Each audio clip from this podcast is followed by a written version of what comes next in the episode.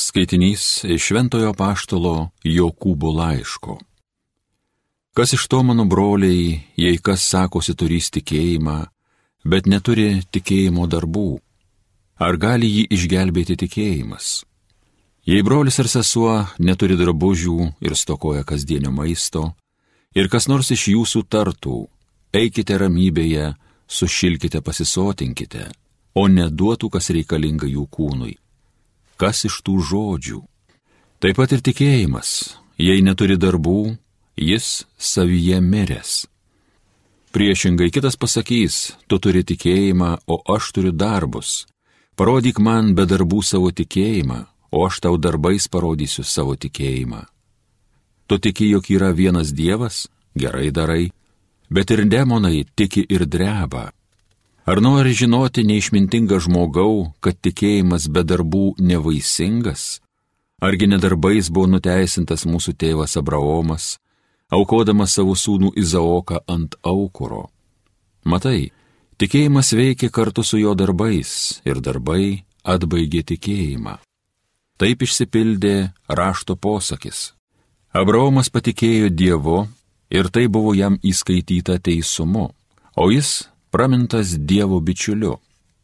Jūs matote, kad žmogus nuteisinamas darbais, o ne vienu tikėjimu. Kaip kūnas be dvasios miręs, taip ir tikėjimas be darbų negyvas. Tai Dievo žodis.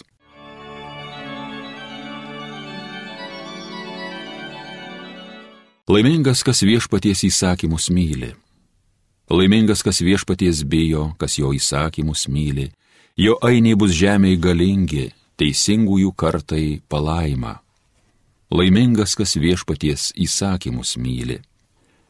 Jo namuose ištaiga dideli turtai, jo teisumas amžiais laikysis, jis nušvinta geriesiems lyg šviesa tamsybei, švelnus, gailestingas, teisingas.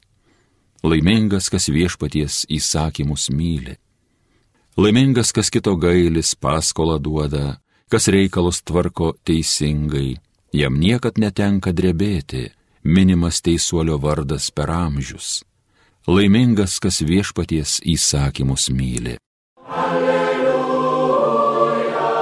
alleluja, alleluja. Jūs draugais vadino, sako viešpats, nes jums viską paskelbiau, ką buvau iš savo tėvo girdėjęs. Alleluja, alleluja, alleluja.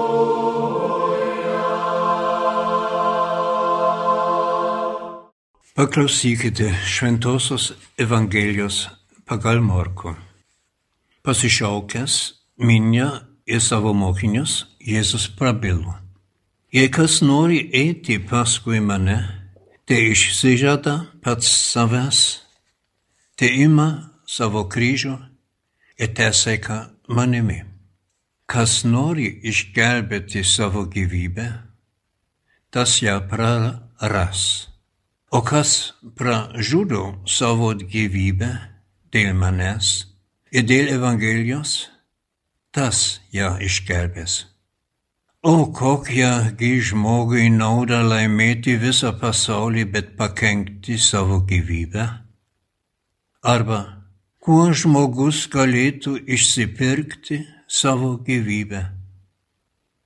Jei kas gėdijasi manęs ir mano žodžių šios neištikimos ir nuodėmingos kartos akivaizdoje, to gėdysis ir žmogaus sūnus, atėjęs su savo tėvo šlove, šventųjų angelų lydimas. Jis dar jiems kalbėjo, iš tiesų sakau jums, tarp čia stovinčių yra tokių, kurie neragaus mirties, kol išvys Dievo karalystę ateinančią su galybė. Girdėjote viešpaties žodį.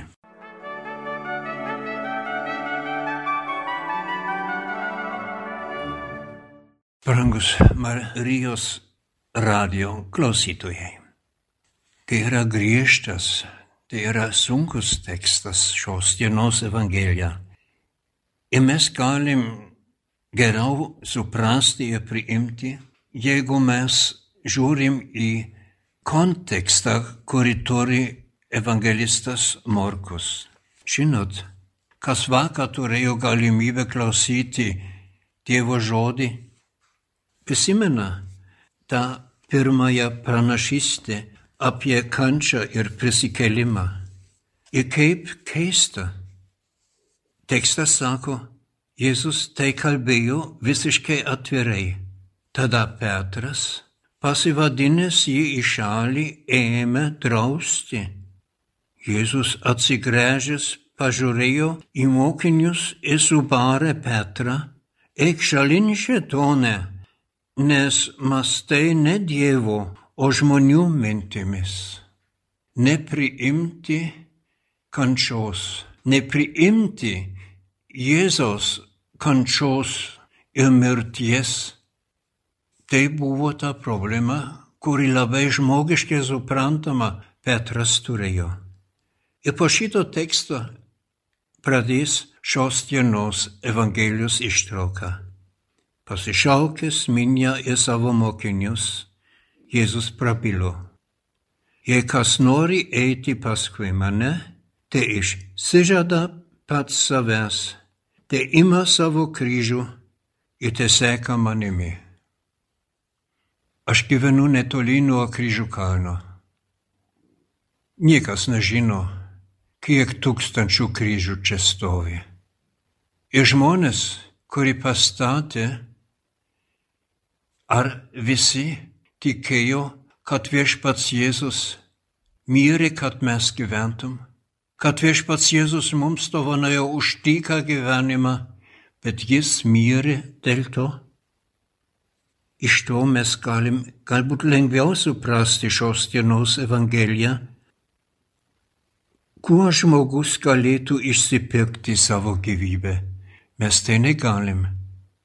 Iš savo jėgų. Tai yra dovanota. Yra mums dovanota prieš mirtį, per mirtį ir po mirties. Priimti tai reikia. Suprasti nelengva. Ir Petrui nebuvo lengva. Nebuvo nelengva, ne? Bet jeigu mes žiūrim im Marko Evangelija, kas po to ateina. Paskutinis sakinys šiandien jau taip skamba. Jis dar kalbėjo, iš tiesų sakau jums, tarp čia stovinčių yra tokių, kurie neragaus mirties, kol išvys Dievo karalystę ateinančią su galybė. Prieš mūsų teksto šiandien yra pranašystę apie kančią ir prisikėlimą ir Petrą nesupratimą. Po šito teksto yra Jėzus atsimainimas.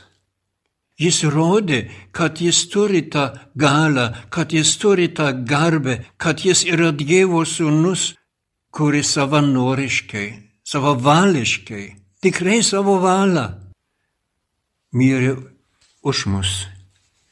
Bandykim suprasti, kad gyvenimo, šitą gyvenimo prasmiškumą, gyvenimas tik dėl savęs, be Kristos, veda į pražūtį, o gyvenimas su Kristumi, nepaisant mirties žemėje, veda į gyvenimo pilnatvę. Amen. Alleluja.